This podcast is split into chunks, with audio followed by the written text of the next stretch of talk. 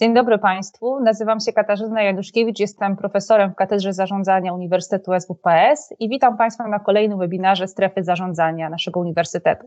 Dziś będziemy rozmawiali o tym, w jaki sposób internet zmienił rynek muzyczny, a moim i Państwa gościem będzie Karol Solar-Poziemski, raper, współzałożyciel i CEO wytwórni SBM Label, Słowem, osoba, która nie tylko jest twórcą, ale również mogę powiedzieć, e, współtworzy, kreuje to środowisko i o tym, e, jak internet zmienia twórców i, i sposób dystrybuowania muzyki może nam powiedzieć niejedno. Dzień dobry, Karolu. Dzień dobry, bardzo dziękuję za zaproszenie i za ten miły wstęp. E, mam nadzieję, że coś dzisiaj ciekawego uda nam się wymyślić. Karolu, zacznijmy może od tego, jak internet zmienił interakcję, sposób interakcji e, w zakresie mm, relacji do, do muzyki, do odbioru muzyki, do tworzenia muzyki. I jeśli chodzi o naukę o zarządzaniu, jeśli pozwolisz, chciałabym, abyśmy przyjęli takie trzy perspektywy. E, jak zmienił się zakres tych relacji, jak zmienił się czas trwania, czy, czy też jak te relacje zmieniają się w czasie, oraz również sama zmiana, czyli jaka jest, czego dotyczy istota tej zmiany. Czy możemy przyjąć takie trzy perspektywy? Tak, mam nadzieję, że je zapamiętam E, ja spokojnie, okay, proszę ja spokojnie będę po kolei do nich e, nawiązywała.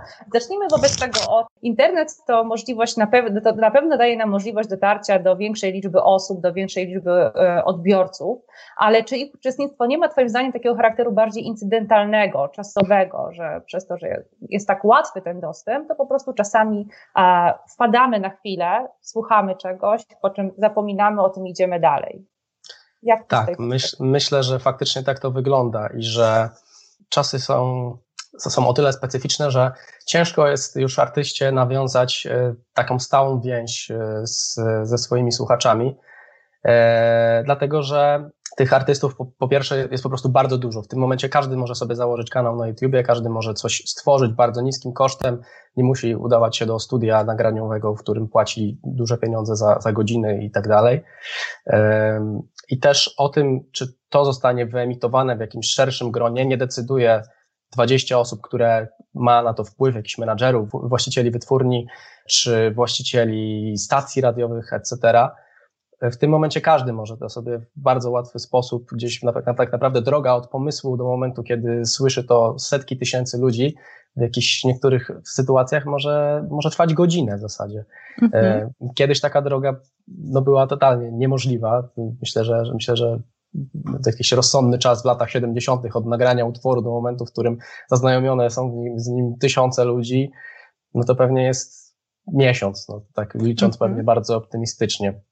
Więc faktycznie siłą rzeczy tych treści, e, ty, tych treści pojawia się bardzo dużo. Mm, I te treści też są eksponowane w miejscach, w których, e, w których eksponuje jest też dużo innych treści. W sensie w zasadzie okienko obok okienka możemy oglądać sobie Instagram, możemy słuchać sobie muzyki, możemy oglądać sobie film. Więc w zasadzie wszystkie te treści ze sobą w dużym stopniu konkurują. Mhm. E, I wydaje mi się, że ludzie już tak, są takimi. Wiadomo, że każdy ma jakieś swoje preferencje i wybiera, jakby, jaki typ treści konsumuje w głównej mierze, ale że są już mniej wyspecjalizowani, mniej jakby nastawieni na konkretny typ mhm. treści, tylko po prostu chłoniemy mhm. to, co, to, co dostajemy. Więc mhm. e, na pewno ten sposób konsumpcji się zmienił, zmienił pod tym względem, że to już nie jest, to już nie jest rytuał, kiedy idziemy do sklepu, kupujemy płytę, która, e, którą, na którą wyczekaliśmy, e, tylko ta płyta nas atakuje w zasadzie z każdej strony i leży obok, obok influencera, obok, obok innych treści i tak dalej. Mhm. Wiesz, dotknąłeś tutaj dwóch bardzo ważnych w mojej perspektywie rzeczy, bo po pierwsze nawiązałeś do szybkości powstawania utworu, że bo to jest w zasadzie już teraz produkcja jest powiedzieć masowa, bo to absolutnie nie jest moją intencją, natomiast faktycznie no, no to tempo jest e, znacznie, znacznie większe, ale jeśli pozwolisz do tego wątku za chwilkę wrócimy. Chciałabym bardziej do tej drugiej części Twojej wypowiedzi nawiązać. Wspomniałeś, że e, faktycznie e, muzyka, sposób słuchania muzyki teraz ma trochę w sobie z profanu. Wcześniej to było sakrum, bo mógł kupić płytę, czekało się na nią, słuchało się jej w odpowiednim, w odpowiednich okolicznościach przyrody. W końcu trzeba było mieć odpowiedni sprzęt i tak dalej, i tak dalej. Teraz robi się to często przy okazji, robiąc zakupy, biegając, wychodząc, e, rozmawiając nawet z kimś, możemy tej muzyki słuchać. E, nie masz takiego poczucia też, że ta muzyka w związku z tym e, pełni taką rolę tła nieco i, i przez to tracimy na odbiorze. No, twórca ma nam coś do przekazania, a traktując to dzieło jako, jako tło do naszej codzienności, no, trochę skazujemy tą, ten utwór na taki niebyt. Nie, nie przywiązujemy wagi do słów, nie staramy się ich interpretować, tylko po prostu konsumujemy. No, to chyba najlepsze określenie, jakie mogę w tym przypadku użyć. Tak. E, wczoraj mm, w swojej audycji Układ Słoneczny akurat gościłem e, Jana Esmonta, który jest wiceprezesem spółki E-Muzyka, czyli jednego z największych polskich dystrybutorów muzycznych, czyli jest to człowiek, który ma szeroki wgląd w to, jak statystycznie wygląda słuchanie muzyki. E, i powiedział ciekawą rzecz, że mm, ta krzywa y, słuchania mm, się bardzo wypłaszczyła, że zwykle tendencja była taka, że w weekendy gdzieś tam były spore piki, e, natomiast teraz to wszystko jest flat. Mm-hmm. No więc to, a z kolei wzrosło i spadła, spadła słuchalność y, utworów, które mają charakter rozrywkowy, a wzrosła słuchalność utworów, które mają charakter y, taki, no, tła, muzyki do pracy, muzyki nie, klasycznej mm -hmm. i tak dalej. Więc, więc wydaje mi się, że, że to potwierdza tą tezę, że, że faktycznie traktujemy muzykę już nie jak coś, do czego przysiadamy, jako coś, y, co chcemy skonsumować i to jest jedyna rzecz, którą w tym momencie konsumujemy, tylko faktycznie jest to jakiś taki mm -hmm. stały element. Natomiast jest też y, teza, którą mogę gdzieś tam, mogę trochę, y, y, mogę trochę przeciwstawnie tutaj do tej, do tej teorii e, powiedzieć, że, na, że z moich obserwacji wynika, że najlepiej sprzedają się te płyty artystów, którzy są w stanie zaangażować e, odbiorców, są w stanie wciągnąć w swoje życie, są w mhm. stanie są w stanie zaprezentować jakieś historie, jakieś wartości, według których żyją, mm, po prostu wytworzyć jakąś treść, z którą ktoś, ktoś może się mhm. zidentyfikować. I to ci artyści w zasadzie cieszą się najbardziej długą wiecznością mhm. i cieszą się największymi frekwencjami na koncertach, cieszą się największymi sprzedażami płyt, ale może niekoniecznie cieszą się naj, największą słuchalnością w streamingu. Mhm. Więc ale czy to w takim razie nie jest też powiązane z tym pierwszym wątkiem, o którym wspomniałam, z, tą, z tym tempem e, powstawania e, utworów? Bo jeśli zakładamy, że ktoś chce nam przekazać tą głębszą treść, która wymaga od nas jakiegoś zaangażowania większego, no to zakładam, że ten utwór raczej też nie powstaje w pięć minut, prawda? W związku z tym, czy widzisz tutaj jakąś zależność? Ja wiem, że to trochę takie y, kontrowersyjne może być pytanie, tak? Ale nie, moją intencją nie jest tutaj budowanie jakichś antagonizmów pomiędzy dobra, dobra jakość utworu, tempo powstawania mhm. utworu, tak? Natomiast czy, czy też gdzieś dostrzegasz taką, taką zależność? Znaczy, wydaje mi się, że jeżeli chodzi o samo tempo powstawania utworu, to myślę, że świetny utwór może powstać w mgnieniu oka, szybciej niż mhm. beznadziejny utwór, bo może wynikać z tego, że na przykład przez dwa lata nikt nic nie napisał i nagromadziło się w nim mhm. mnóstwo jakichś emocji, przemyśleń, które mhm. coś wyzwoliło w tym momencie i one zdetonowały się na kartce. Eee, natomiast y, no też można zaobserwować taką na pewno zależność, że, że ci artyści, którzy jednak opowiadają jakieś historie i, i, i chcą powiedzieć coś konkretnego, opowiedzieć o czymś, mają jednak dłuższe te odstępy w mm -hmm. wydawaniu, wydawaniu płyt. E, I, I wydaje mi się, że, że, że, to, tak, że to też jest inny typ treści. Ludzie po prostu mm -hmm. takich treści wciąż potrzebują, ale chyba dominująca jednak w tym momencie mm -hmm. jest Ciężko powiedzieć właśnie, co jest dominujące, bo z jednej strony dominująca, jeżeli chodzi o, o dochodowość, bo jeżeli przeliczyć to na koncerty i na sprzedane egzemplarze, to pewnie najbardziej dochodowa właśnie jest ta flanka, że tak powiem, merytoryczna, a, a, mhm. a jeżeli chodzi o, o streamingi i, i, słuchanie sobie czegoś z głośniczka, czy po prostu w tle na mieście i tak dalej, króluje ta flanka rozrywkowa, okay. która, która nie, nie ma aż takiego przełożenia na koncerty. Mhm. Więc wydaje mi się, że teraz jest jakiś taki mhm. moment, kiedy to się ściera gdzieś Pewnie nie, nie widziałem takich statystyk. Krystalizuje pewnie. Mhm. Mamy pytanie od jednego z naszych, z uczestników naszego webinarium, e, już jakby konkretny dosyć. Czy większa część zarobków artystów muzyki rap pochodzi z dystrybucji online? No to pytamy Cię nawet nie o kuchnię chyba, ale już o taką no, mhm. dosyć istotną rzecz. Zależy, zależy, bo, bo tak jak wspominałem wcześniej, są właśnie artyści, którzy przez to, że budują długofalową więź z fanami, tudzież ze słuchaczami, e, sprzedają dużo płyt i grają dużo koncertów.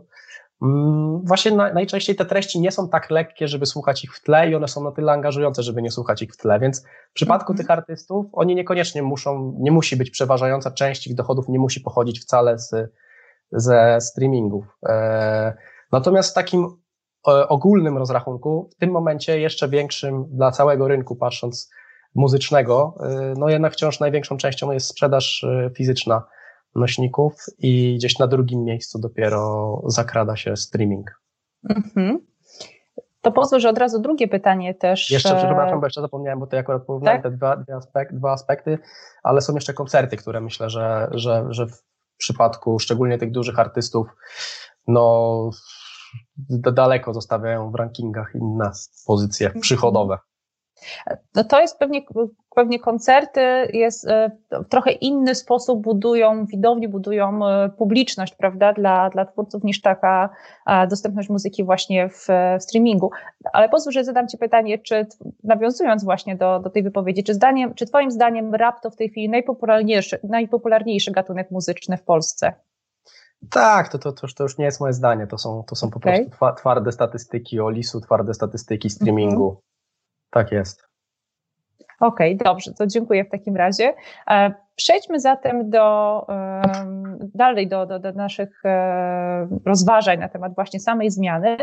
Porozmawiajmy o, o tym właśnie szumie informacyjnym, bo jeśli, mówi, bo jeśli powiemy, że jest tak wielu, jeśli mówimy o tym, że ta, ten egalitaryzm internetu powoduje, że niemal każdy, jak wspomniałeś, może otworzyć swój kanał YouTube, może zacząć e, promować swoją własną twórczość, zachęcać innych też do, do uczestnictwa w swoim, swoim życiu artystycznym, to czy ta wielość, czy te, te, te, te, możliwości nie powodują też, że mamy do czynienia z takim szumem informacyjnym? I co w takim razie można zrobić, żeby wybić się z tego szumu i faktycznie e, przebić się ze, swoim, ze swoją treścią, ze swoim przekazem do, do odbiorców? Czy masz tutaj jakieś e, doświadczenia, do, złote rady, powiedzmy? Mhm. No szum, szum faktycznie się zwiększa coraz bardziej. Tutaj na przykład, jeszcze wracając trochę do kwestii finansowych, mogę podać przykład YouTube'a, który, e, na którym cały czas jest taka sama pula pieniędzy, jeżeli chodzi o to, co, co e, wpłacają mm, ludzie, którzy chcą się tam, znaczy koncerny, które chcą się tam zareklamować. Wpływy z reklam są takie same, natomiast ilość treści cały czas rośnie. Więc de facto te zarobki z YouTube'a są coraz mniejsze przez to, że zwiększa się ilość mhm. treści, a nie przez to, że maleje wkład sponsorski.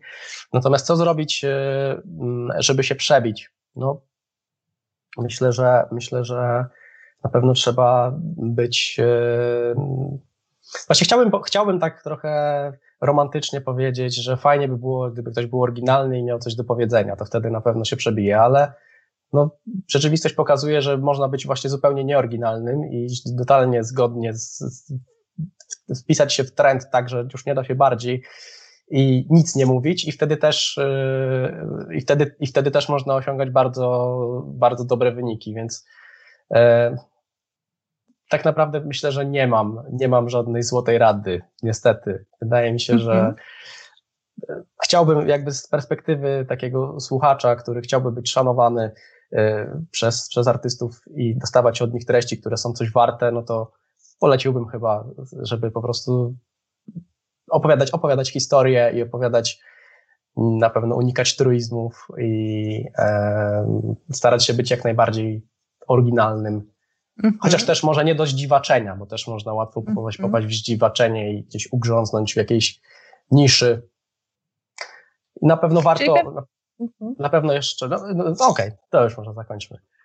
Nie, chciałam, bo wspomniałeś właśnie o tym, żeby um, mieć coś do powiedzenia, czy generalnie być autentycznym, tak? To jest ten taki główny przekaz, żeby mówić o czymś, na czym się znamy, mówić o tym, co chcemy przekazać, tak? A nie starać się tylko i wyłącznie podążać za pewnym trendem, bo pewnie to jest też taki papierek lakmusowy, e, sprawdzam, tak? Czy jesteś wiarygodny.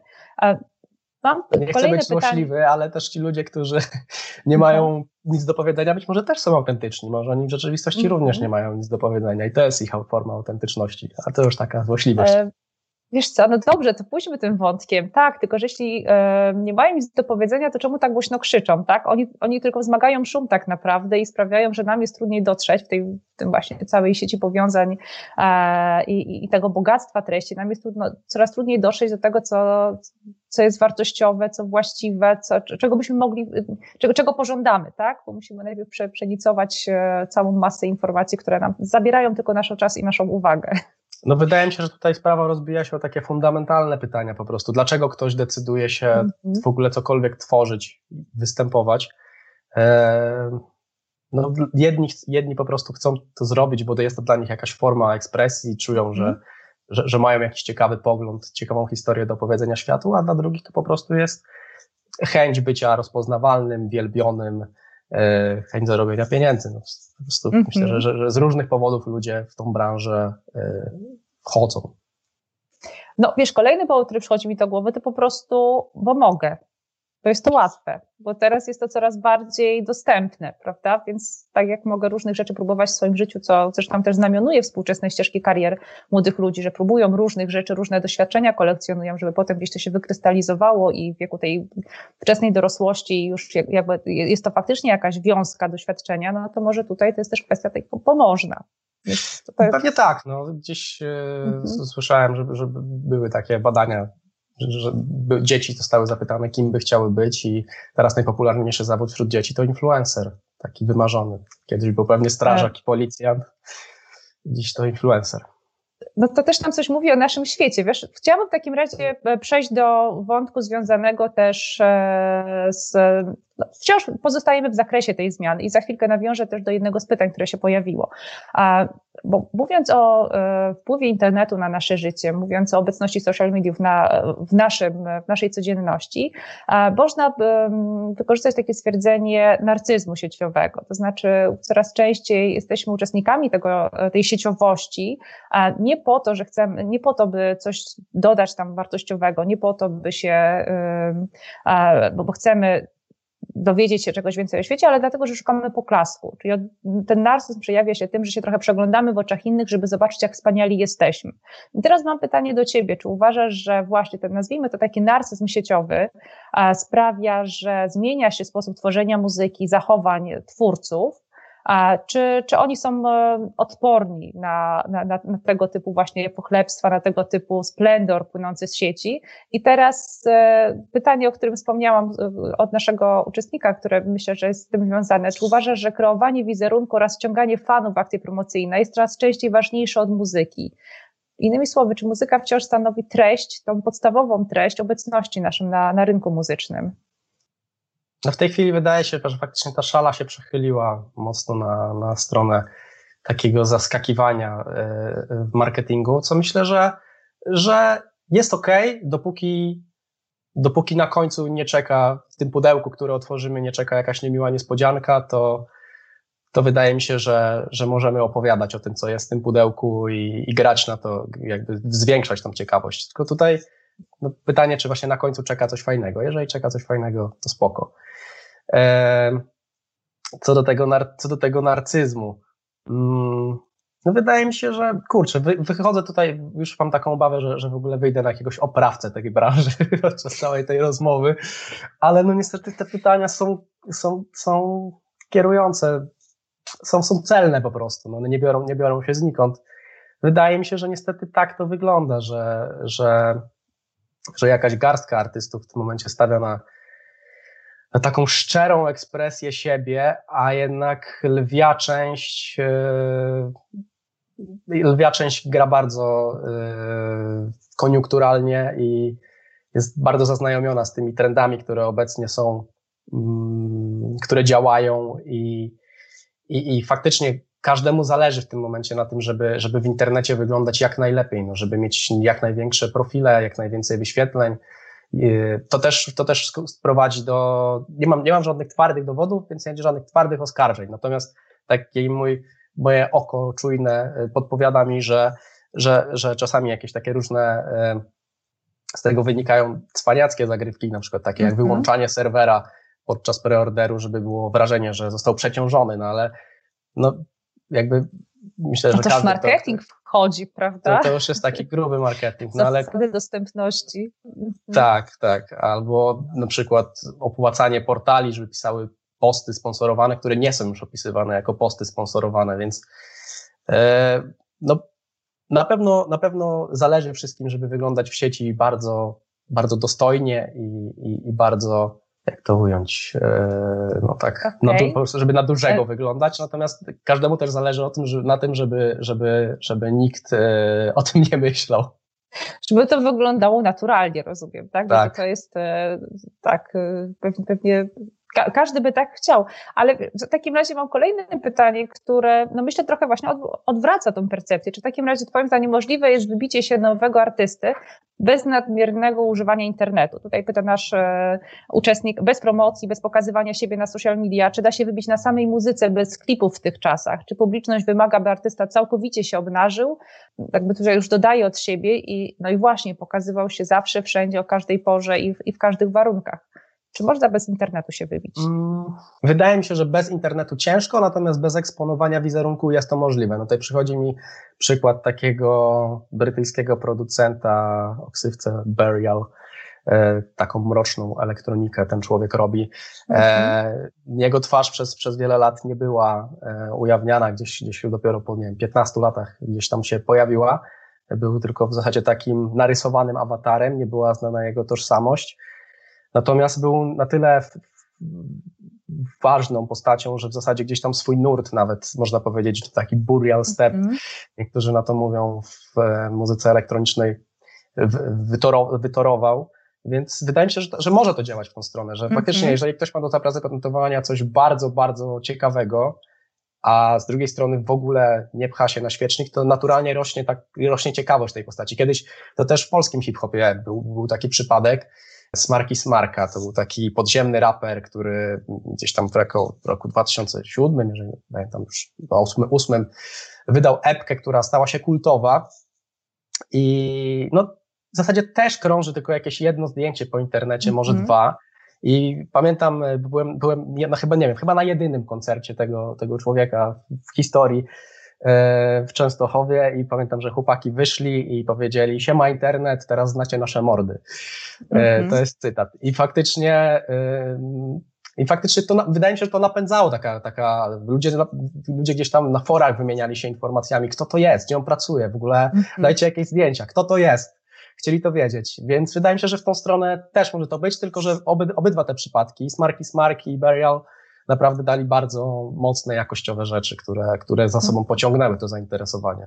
Okej, okay, czyli tutaj to było bardziej, nie, chcę powiedzieć ale przy okazji jakby, tak? To nie było budowane celowo, taka, tak, taki no-name bez, bez wizerunku, tak? Żeby wzbudzać tą ciekawość, tylko to po prostu był jakiś element, który przy okazji się pojawił. Wiesz, przychodzą mi do głowy dwie rzeczy, bo z jednej strony nazwijmy to ukrywanie wizerunku, to, to nie jest rzecz nowa, to tak naprawdę od setek lat, na przykład różnego rodzaju artyści e, używali różnych pseudonimów albo podpisywali się nie swoimi nazwiskami, żeby nikt nie wiedział, że to oni, ale to było coś zupełnie innego, ponieważ oni jakby społeczeństwu nie chcieli pokazać, e, kim są, nie chcieli się poddawać pod ten osąd swojego najbliższego otoczenia.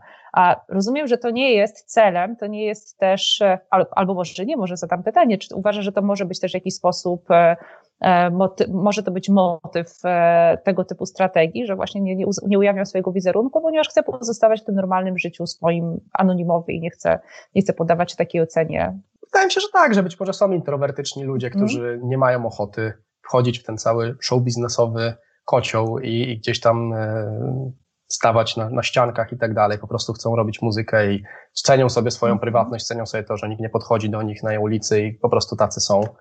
No w przypadku Smarkiego akurat, o którym rozmawialiśmy, no to y, wiem, że teraz prowadzi jakąś karierę, jakąś, prowadzi karierę prawniczą, więc może też już o tym myślał jakby, no mm -hmm. że, że to może był dla niego priorytet, a to bardziej traktował jako zabawę, mm -hmm. jakąś młodzieńczą zajawkę.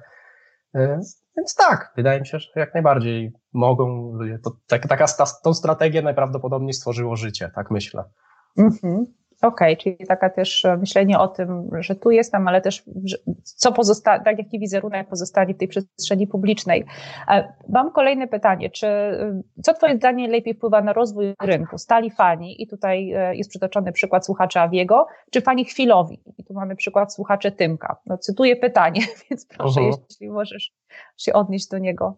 E, nie podejmuje się na pewno znaczy nie podpisuje się pod tym podziałem, który tam ktoś e, zasugerował. Nie wiem, czy on taki jest w rzeczywistości.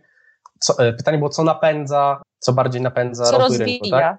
Mhm. Wydaje mi się, że. Zostańmy przy tym, czy stali, czy chwilowi słuchacze, i to będzie najbezpieczniejsze.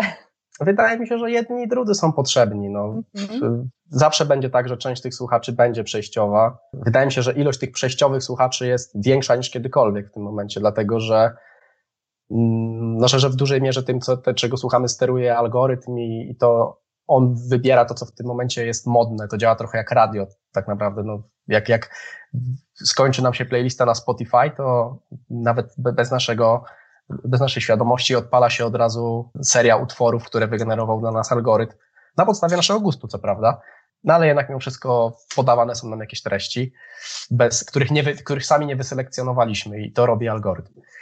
I wydaje mi się, że, że, że dużo jest ludzi, którzy po prostu słuchają muzyki, ale nie zagłębiają się do końca, kto, kto tą muzykę robi, jakie wartości stoją za tym człowiekiem, nie, nie, nie prześledzają losów artystów i oni również napędzają jakby nie, nie uważam ich ani za, za gorszych słuchaczy, czy, czy mniej mhm. wartościowych. Oni po prostu tak podchodzą do konsumowania treści i a być może część z tych ludzi się zainteresuje bardziej tym. No. Wydaje mi mhm. się, że, że jedni i drudzy są ważni. Nie wiem, ciężko mi wskazać ważniejszą mhm. grupę.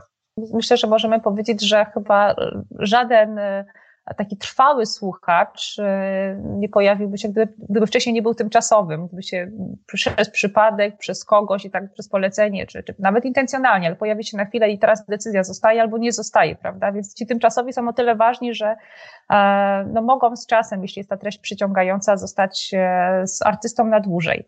Tak, nawiązując do, do tytułu dzisiejszego y, webinaru, jak raperzy zmieniają zasady rynku muzycznego, to w zasadzie można by odwrócić to pytanie, jak zasady rynku muzycznego zmieniają raperów. I e, trochę jest tak, że raperzy się e, dostosowali do, do, do potrzeb rynku muzycznego. Wcześniej hip-hop był taką bardzo hermetyczną i zbuntowaną muzyką, która w zasadzie no, z dość oczywistych względów wstępu do mainstreamowych e, mediów nie miała, dlatego że to było wulgarne, brudne, niepoprawne, polityczne. To nie są po prostu treści, które, które mhm. mainstreamowe media e, e, kolportują. Więc to, że teraz obserwujemy rozwój e, w, znacznej, w, znacznej, w znacznym stopniu tej, tej sceny, wynika z tego, że raperzy się rozhermetyzowali już. już. Oni nie są tylko zbuntowani, oni nie są tylko głosem nizin, oni nie są, oni nie walczą z systemem. Oni są grzeczni, oni są inteligentni jakby otworzyli, dostosowali się trochę do, do, tego, do tego, czego wymagają media, a z kolei media mm. też widząc, że rozrasta się, e, że ta nisza, którą był hip-hop, rozrasta się do czegoś bardzo dużego, też trochę otworzyła się na, na, na, na, na trochę bardziej niegrzeczne, powiedzmy, treści. Ale zobacz, czy w tej sytuacji nie możemy mówić o pewnego rodzaju takiej homogenizacji, bo jeśli mówimy o tym, że Poprawnie, jeśli się mylę, ale pierwotnie jakby źródeł rap czy hip-hop e, miał charakter bardzo lokalny, ale nie, nie w sensie zasięgu, tylko dotyczył bardzo takich e, bliskich twórcom i odbiorcom spraw, czyli miał taki, był, był, był blisko i artysty i, i słuchacza. Natomiast teraz, ponieważ mamy ten wzrost zasięgu, mówimy, że jest bardziej globalny, tak, no, że, że słuchacz jest, możemy słuchacza szukać nie tylko w najbliższym otoczeniu, ale również dużo, dużo szerszych kręgach, czy przez to, no właśnie, że to też nie jest przyczyną tego, że e, te utwory e, stały się takie bardziej właśnie wyładzone, żeby nie tylko dotykały problemów istotnych dla tej garstki z najbliższego otoczenia, nazwijmy tych, tych lokalnych e, problemów, żeby nie dotykały, ale również globalnych, żeby jak najwięcej osób mogło się z tymi treściami identyfikować. I przez to też artyści zwiększają trochę zasięg swojego odbiorcy. Tak, myślę, że myślę, myślę, że to jest, że to jest kierunek, w którym hip-hop podąża szczerze mówiąc, i z tego, i z tego też jego rosnąca mhm. popularność. Ale myślę, że nie ze stratą dla, dla artystów, dla, e, dla dzieł, że one przestają być takie bardzo, no nie chcę powiedzieć spersonalizowane, bo to też nie jest dobre słowo, tak, ale że e, stają się coraz bardziej ogólne. Jeśli coś jest dla wszystkich, mhm. no to znowu trochę roz, roz, rozmywa się ta tożsamość tej muzyki. To prawda, ale też myślę, że świat stał się taki bardzo bezwzględny, że poprawność polityczna jest no, takim bardzo narastającym e, trendem i myślę, że artyści mają dużo mniej pola do, do, bycia, mhm. do bycia kontrowersyjnym, do mówienia rzeczy niepopularnych i na, trzeba dużo, dużo więcej odwagi, tak jak kiedyś to Kiedyś to było przypisane jakby do roli artysty. Wiadomo, że był mhm. system i kontrasystem, kontra po drugiej stronie w ramach kontry jest mhm. artysta. Teraz, teraz to tak nie działa, nie ma, nie ma, nie jest tak, że to, to jest jakaś kontra też nie ma aż tak, nie ma aż tak z czym walczyć już tak naprawdę. No już e, wiadomo, że no sporo... całe mnóstwo wiatraków stoi, nie, nie, wydaje mi się, że walczyć to jeszcze wciąż mamy o co. E, natomiast, e, a może to jest, może to jest sytuacja, która jest bardziej wymagająca do twórcy, bo właśnie dla, dla twórcy, bo zamiast mhm. walczyć wprost, może to wymaga od niego trochę takich zabiegów, no chcę powiedzieć poetyckich, no nie wiem, żeby wyraził to, co chce powiedzieć, ale w taki sposób, żeby odbiorca wiedział o co chodzi, a jednocześnie nie urazić e, całej reszty. Tak, tak, tak. To jest na, na pewno, na pewno wymaga takiej e, gimnastyki. Myślę, że, że tutaj metaforyka i to też może w dobrą stronę prowadzić do rozwoju, bo, bo, bo może -hmm. faktycznie poziom metafor i, i, jakiegoś wysublimowania w używania słów i, i nawiązań, jakiejś sugestywności wzrośnie. Natomiast pytanie, czy ta sugestywność nauczona przy tych tekstach też zaraz się nie, prze, nie, nie przyda przy marketingu. E, no. Także nie wiadomo. Ja myślę, że zbyt, faktycznie chyba zbyt optymistycznie spojrzałem na świat, mówiąc, że nie masz czym walczyć. Natomiast ci przeciwnicy nie są już tak, namac nie są tak namacalni i nie są tak, e, mhm. tak dokuczliwi. To są jednak mhm. problemy którymi, z którymi się mierzymy, no już pomijając koronawirusa, to jednak z problemy, z którymi się mierzymy na co dzień, to nie są takie problemy jak jakaś opresyjność, yy, wsadzanie ludzi do, do więzienia za to, że mówią to, czego nie powinni i tak dalej. No. To są bardzo ciekawe wątki, e, takie już trochę filozoficzne nam się tutaj też e, wydają, ale pozwól, że wrócę znowu do takiego no, warsztatu, tak? bo to jest bardzo dużo pytań od naszych uczestników, które dotyczą właśnie samego, e, samego sposobu wejścia też na rynek. Pytanie od jednego z nich, na co zwracasz uwagę, decydując się podpisać kontrakt z nowym artystą dla Twojej wytwórni? Jaki wpływ mają w tym jak analityczne wartości rynkowe danego kandydata? Analityczne wartości rynkowe, to zabrzmiało tak bardzo giełdowo. Nie, no, Czy szacujesz pewno... wartość kandydatów? No, pójdźmy w tym tropem. Na pewno cenną na pewno jeżeli już w ogóle kimś jestem zainteresowany, to oczywiście sprawdzam wszystkie dostępne informacje na temat tej osoby i patrzę, jak rynek reagował na niego wcześniej i, i czy to się ludziom podoba, czy to się, czy to się pokrywa z tym, z tym, z, z moim zainteresowaniem.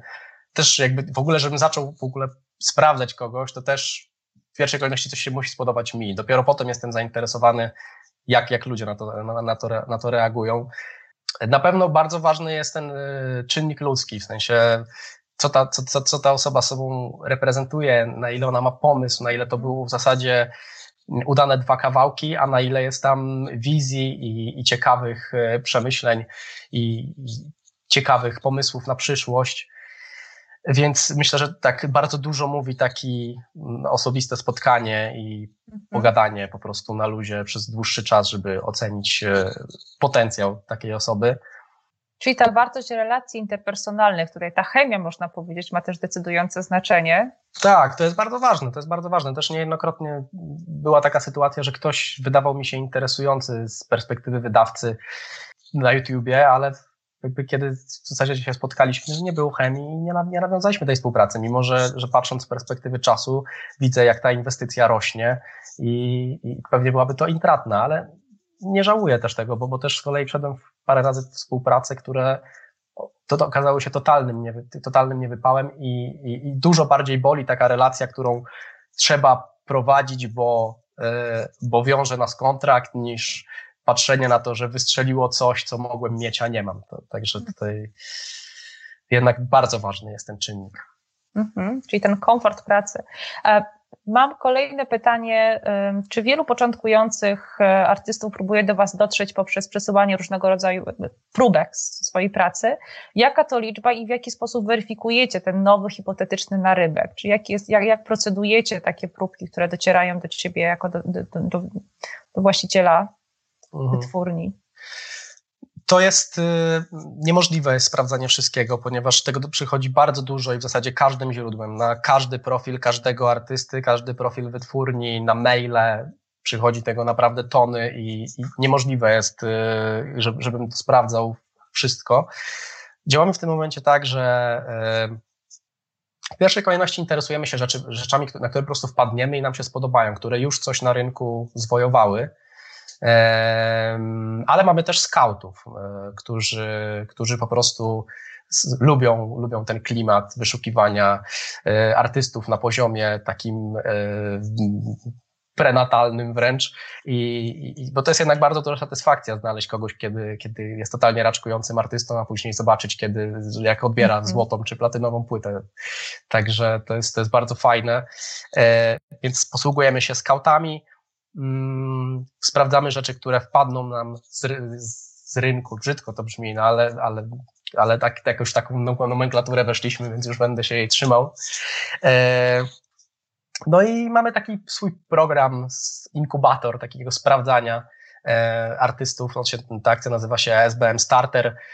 E, zanim e, podpiszemy z artystą kontrakt i, i on podejmiemy z nim taką pełną współpracę z pełnym zaangażowaniem, mm, na początku właśnie testujemy i dajemy, wrzucamy to na ten kanał SBM Starter dla takiej mniejszej grupy, bardziej, najbardziej za, zaangażowanych, zainteresowanych fanów i to też już jest ciekawy, ciekawy wskaźnik, jak oni na to reagują. Czyli taka grupa fokusowa najpierw, tak?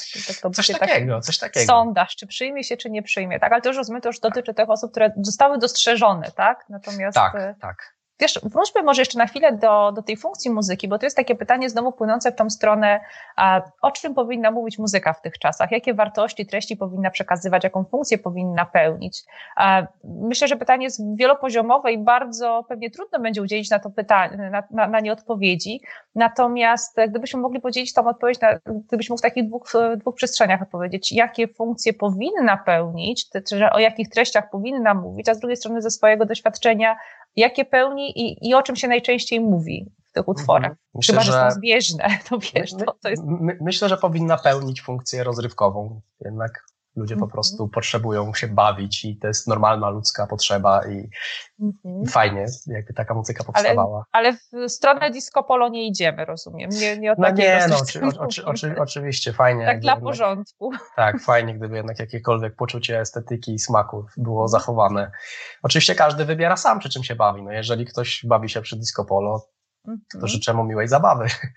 E, także tak, myślę, że fajnie jakby muzyka miała funkcję rozrywkową, fajnie jakby miała taką funkcję uświ mhm. uświadamiającą. Jednak artyści to są ludzie, którzy często mają bardzo duży wpływ, szczególnie na młodszych słuchaczy, e, dla których są wzorami, więc e, fajnie, gdyby jakieś przemycali idee, które, które są im obce, albo które mhm. na przykład nie docierają do nich, bo usłyszeli od swoich nauczycieli albo rodziców, których no, których zdanie nie, nie waży tyle co idola. Funkcję relaksa, relaksacyjną na przykład może pełnić do, nie wiem, w niedzielę można sobie puścić i mhm. poleżeć w łóżku przyjemnie, jak coś tam sobie gra w mhm. tle. Y, kurczę, nie wiem, czy nie w jakieś takie za bardzo techniczne opisywanie tego, jakie muzyka powinna spełniać mhm. funkcje.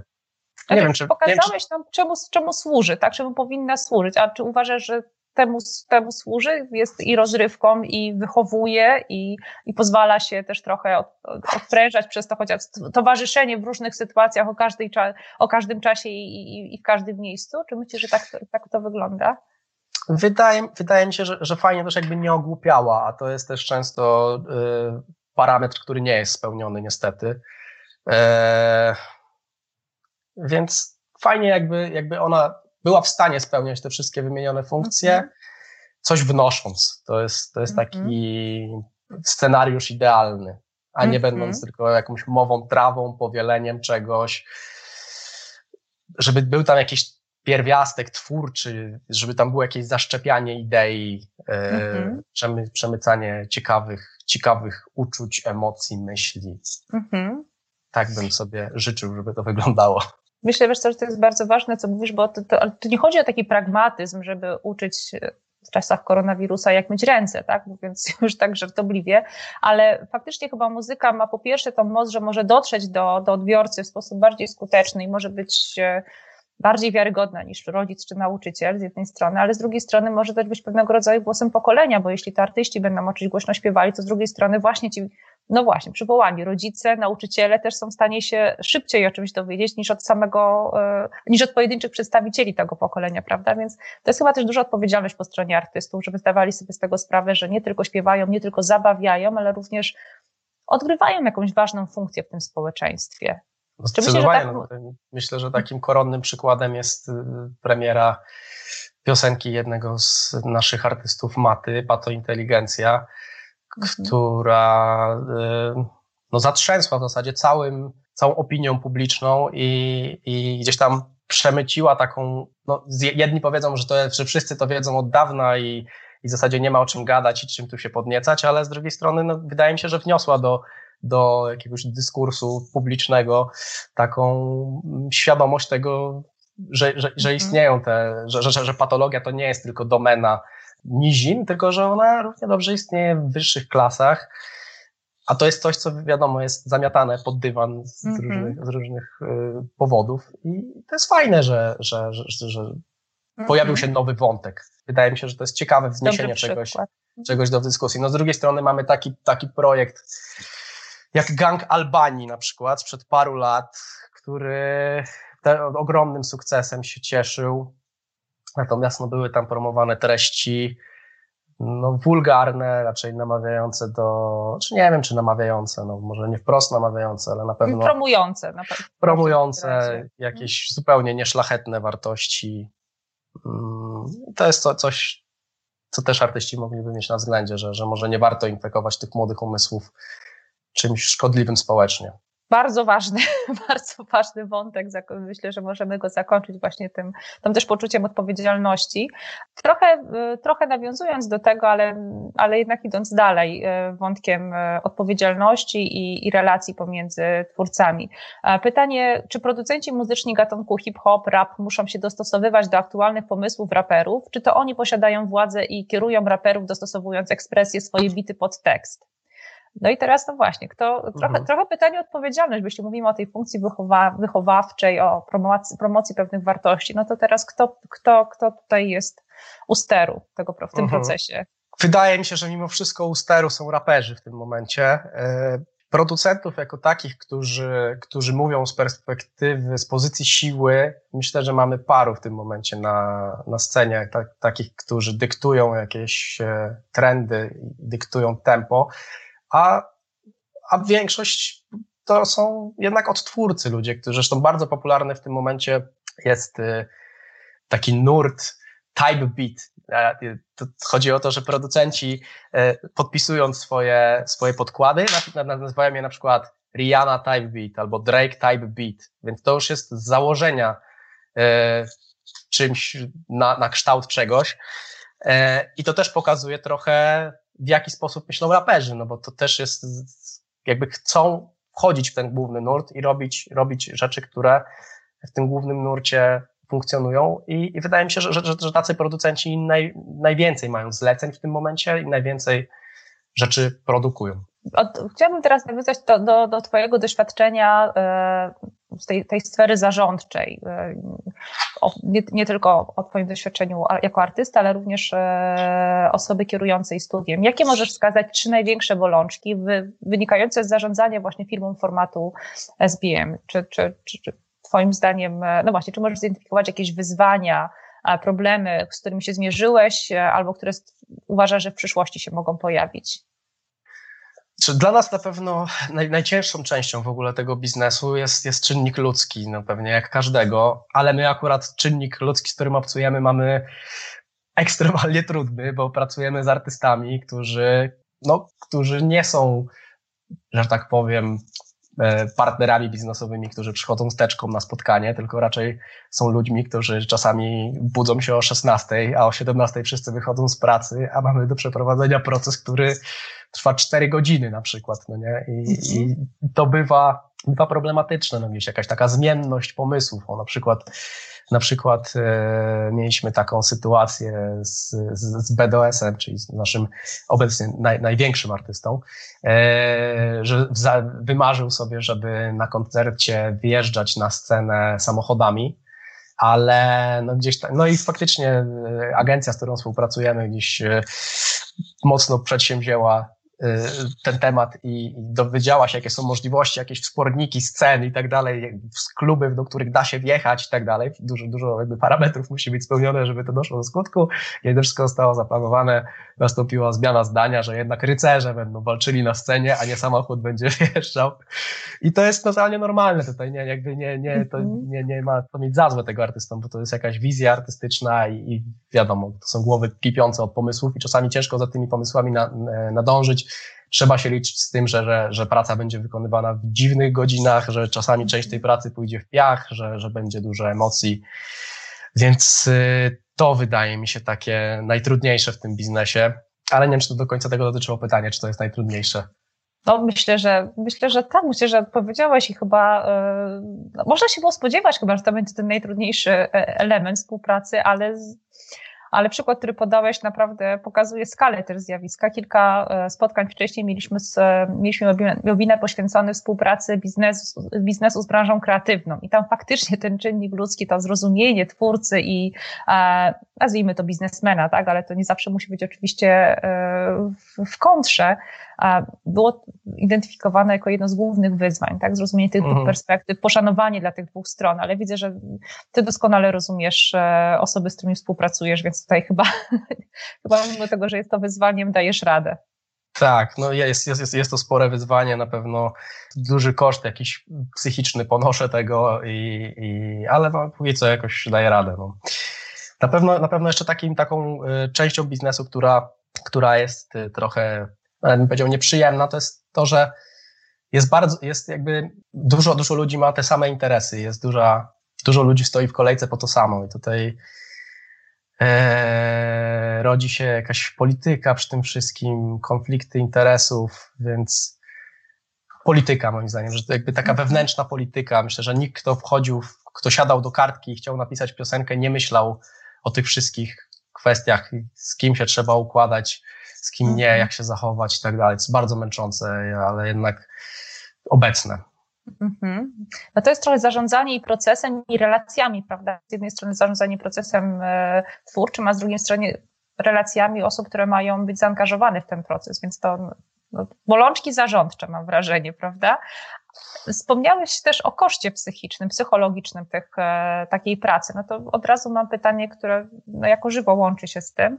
A jak ciężko jest połączyć rolę szefa, menadżera, artysty, kolegi? Bo wspomniałam, no, przedstawiłam Cię jako rapera, mhm. ale również CEO e, firmy. W związku z tym zakładam, że z jednej strony dobrze czujesz serce bijące artystów, a z drugiej strony też wiesz, jakie bolączki, czy też jakie wyzwania są e, po stronie osób zarządzających. Jak łączysz te elementy?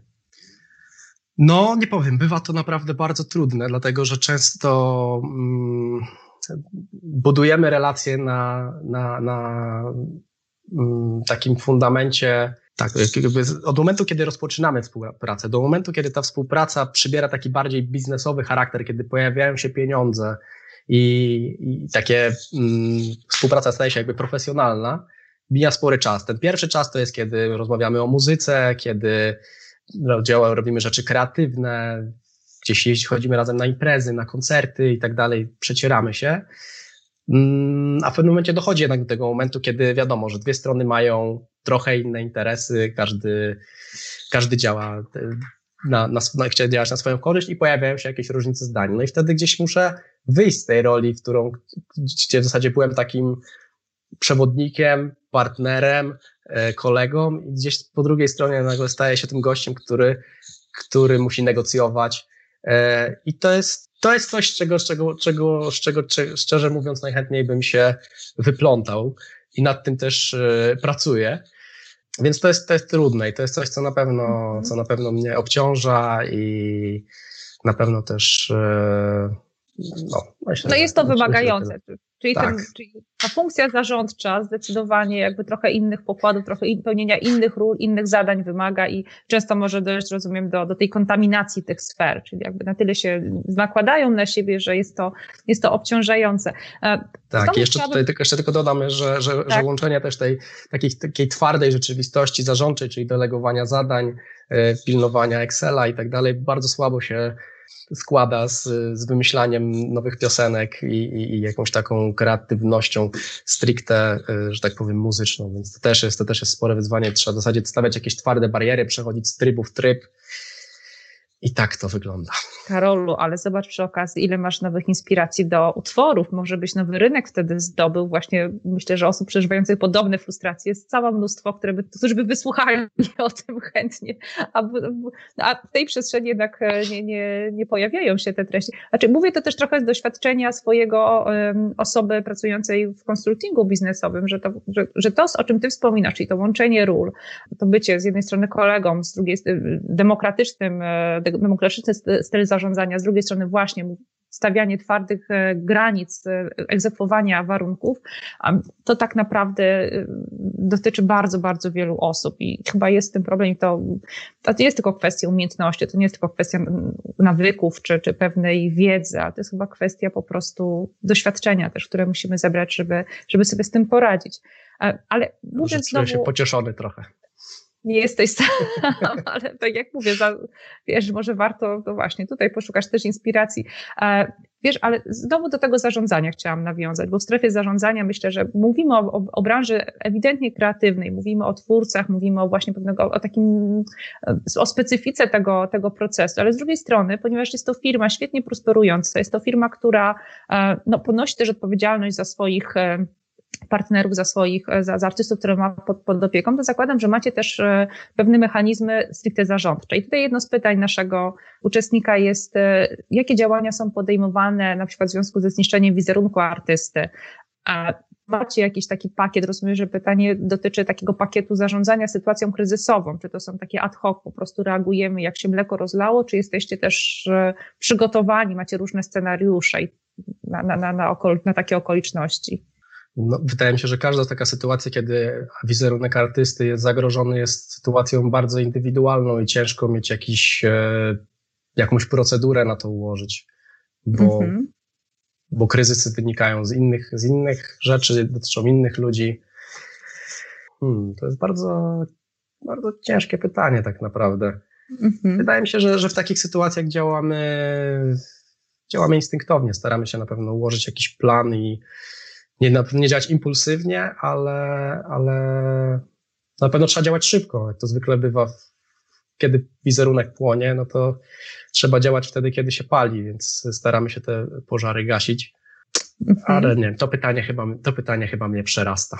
Mhm. Okej, okay. to myślę, że na pewno y, takie y, jakieś scenariusze pewnie już związane z doświadczeniem są, natomiast y, przejdźmy może wobec tego do kolejnego. A Znowu związa- odwoł- chciałabym, żebyś odwołał się do swojego doświadczenia, obecności na, na rynku. Czym różni się e, SBM Label od konkurencji pod względem prowadzenia biznesu? Dostrzegasz, ja rozumiem, że tu nie chodzi o jakieś zdradzanie nam, jaka jest Twoim zdaniem Wasza przewaga konkurencyjna, tylko czy, czy widzisz jakąś specyfikę, jakiś taki, taki rys charakterystyczny? Czym jesteście inni od, różni od pozostałych? No, wydaje mi się, że jesteśmy jedyną wytwórnią, w której panuje taki poziom życia między artystami, których reprezentujemy.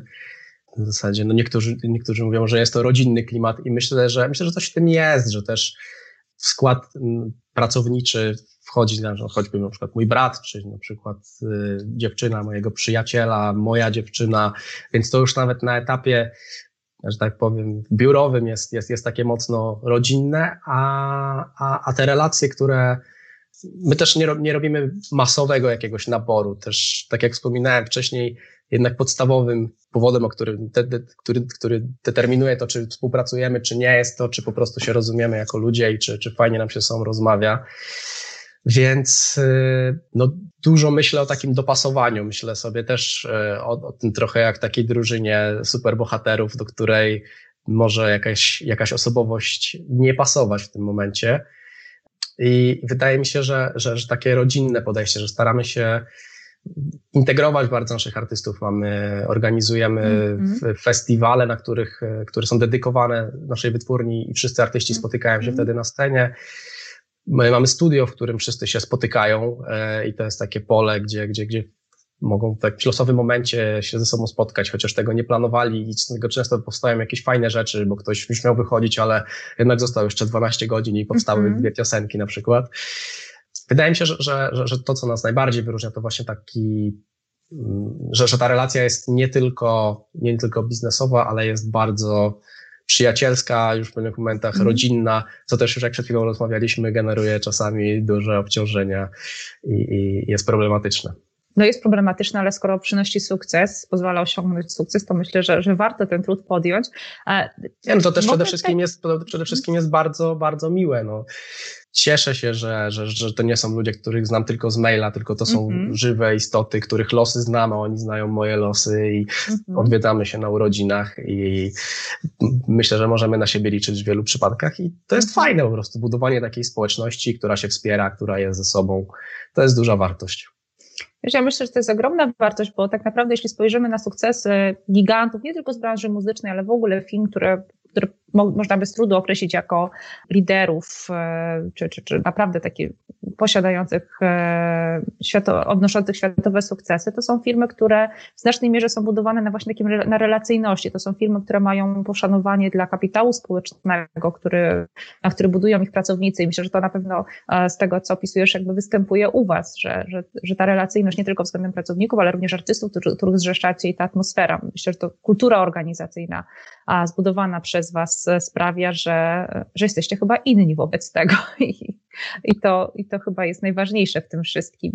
Chciałabym jeszcze w takim razie tutaj patrzę, bo pytań jest wiesz e, sporo, natomiast czasu już mamy niewiele, więc jeśli pozwolisz, to wybiorę jeszcze dwa pytania. Jasne. Co sądzisz o występowaniu ghostwriterów w polskim hip-hopie? Jak on, oni wpływają na gatunek? Na, na gatunek? No zakładam, że zjawisko występuje, skoro pojawiło się pytanie. Myślę, że w hip-hopie jest to zjawisko marginalne jednak, mimo wszystko, mm -hmm. że, że to są jakieś incydentalne przypadki, kiedy, kiedy ghostwriter występuje. E, na pewno zupełnie powszechną sytuacją jest to w popie i to już nawet nie jest ghost, to po prostu jest po prostu pisanie piosenek innym ludziom. Nie wiem, czy to jest temat, który w tym momencie jest na tyle duży, żeby, żeby, mm -hmm. żeby w ogóle można było rozmawiać o tym jako o zjawisku. Mhm. E, na pewno kłóci się to z, z, z hip-hopem, w sensie, że w założeniu każdy ma reprezentować siebie i swoje poglądy i ma być autentyczny, więc ciężko w ogóle, już tutaj burzy się to, ciężko być autentyczny, jeżeli to ktoś, jeżeli mówisz czyimiś słowami, no, e, jesteś cytującym de facto, no, a, nie, a, nie, a, nie, a nie twórcą. Więc no, na pewno kłóci się to z hip-hopem, ale nie ma tego zjawiska, moim zdaniem. No troszkę jest, no, jest -hmm. bywa, bywa, ale to też okay, jest taki ghostwriting, nie, nie, nie taki, że, że ktoś jest wytworzony od początku do końca, tylko na przykład, że ktoś przyszedł do studia i miał więcej weny i napisał komuś referen i tyle. Mm -hmm. Przejdźmy w takim razie do ostatniego pytania. Tutaj może zrobię taką kompilację tych pytań od uczestników. To jest chyba pytanie o przyszłość, bo jeśli zaczęliśmy tym, jak internet zmienia e, branżę muzyczną, to, to myślę, że to jest ten kierunek. Jak, twoim, jak, jak ty się zapatrujesz na nowoczesne kanały social media, takie jak TikTok i idąc dalej, znowu, czy, czy w związku z tym, że jest taki ten szeroki zakres, o którym wspomnieliśmy, wspomnieliśmy na początku, możliwości do dotarcia do odbiorców, czy twoja firma w przyszłości będzie się skupiała tylko i wyłącznie na muzyce rap, czy planujecie też ekspansję w stronę innych, innych gatunków muzycznych, jak rock, czy poszerzacie zakres oddziaływania? Znaczy, to już jest ekspansja, może za dużo powiedziana ekspansja, ale to już jest jakiś krok, który wykonaliśmy, ponieważ e, na początku tego roku wydaliśmy płytę zespołu Kacperczyk. E, no, chłopaki wcześniej byli kojarzeni z takim mm -hmm. indie rockowym graniem. No, robią muzykę alternatywną, mówiąc mm -hmm. szeroko. Mm, więc to jest jeden z kierunków, które eksploatujemy. Ja, ja, ja, ja prywatnie jestem bardzo dużym fanem elektroniki wszelkiej, może nie wszelkiej, ale elektroniki, gdzieś tam w jakimś sprecyzowanym e, gatunku, więc mm -hmm. troszeczkę mi się marzy, żeby może, może, może, może i ten, e, tą gałąź wyeksplorować. Więc wydaje mi się, że będzie, będziemy, będziemy się rozrastali, natomiast na pewno nie będzie to rozrastanie wynikające z, z nie wiem, jakichś obliczeń, raczej będzie to takie rozrastanie wynikające z gustu, no bo no, nie wyobrażam sobie takiej sytuacji, że wydaję muzykę, której totalnie nie jestem w stanie przesłuchać, mm -hmm. w ogóle mhm. nie znam jej i tak dalej. Myślę, że, że, że każdy by to wyczuł i że zostawmy po prostu ludziom, to ludziom, którzy się na tym znają i to czują. E, czy jeżeli chodzi o te nowoczesne media, to y, myślę, że trzeba iść, trzeba iść do przodu. TikTok jest gdzieś tam na naszej liście rzeczy do, do wdrożenia. E, zresztą też nasz dystrybutor pracuje w tym momencie nad tym, żeby, żeby nasz katalog tam e, e umieścić. I tutaj no nie, ma, nie ma chyba sensu stawać okoniem przeciwko jakiemuś postępowi technologicznemu, bo każdy, kto stanął, no to skończył marnie, jak choćby, nie wiem, Kodak? Nie, nie Kodak, tylko ta firma Kodak chyba. Nokia. No, Nokia. No, Nokia właśnie była bardzo ciekawym przypomnianym, bo Nokia kiedyś produkowała opony, a później, a jeszcze kiedyś w ogóle chyba zajmowała się rybołówstwem, więc oni w ogóle dużo mieli zmian, ale, ale może nie takich technologicznych, ale, ale mhm. e, wydaje mi się, że Kodak nie wszedł w odpowiednim momencie w cyfrę, bo uznał, mhm. że to nie jest kierunek ciekawy i, i w ogóle nic się nie wydarzy w tym kierunku i gdzieś mhm. tam sporo przez to stracili przespali trochę. No, więc wy jesteście na tym, tak. w tym momencie rozwoju, e, rozumiem, gdzie dostrzegacie zarówno właśnie różne, różne możliwości, rozwój, rozwój strategiczny, tak, ale również w innych obszarach, ale tak jak mówisz, obszarach, które wciąż, z którymi wciąż będziecie w stanie się zidentyfikować. E, na koniec chciałabym Ci zadać pytanie, ale takie już e, od, od, ode mnie, w sensie, że coś, o czym rozmawialiśmy chwilę przed, przed wejściem tutaj na, e, na antenę. Żyjemy w takich czasach, jesteśmy w takim momencie, kiedy koronawirus sprawił, że wszyscy nagle musieliśmy się stać digital native. Pokolenie młodsze ma z tym trochę mniejszy problem, starsi muszą się do, nauczyć tej wirtualnej rzeczywistości, tej współpracy w, w przestrzeni wirtualnej. Ja mam pytanie do Ciebie, jak wygląda proces twórczy? Czy, czy, czy to jest coś, co można powiedzieć, że jest to symptomatyczne, albo że to będzie przyszłość rozwoju muzyki, że artyści będą tworzyli w sposób wirtualny, będą spotykali się tylko w wirtualnej przestrzeni? Czy uważasz, że, że jednak nie, że jest to pewien trend, ale nie zdominuje on w przyszłości rzeczywistości twórców? Ale masz na myśli to, że to jest trend y, spowodowany przez koronawirusa, czy że to jest ogólny trend? Nie, ogólny trend. Nie, no koronawirus po prostu pokazał nam, że wszyscy możemy pracować mhm. wirtualnie, tak? Natomiast e, niezależnie od tego, od wielu, wielu lat mówi się, że idziemy w stronę wirtualizacji pracy, mhm. wirtualizacji w przestrzeni organizacyjnej, więc tutaj w branży muzycznej pytanie, czy, czy, to, czy to też tak. dostrzegasz?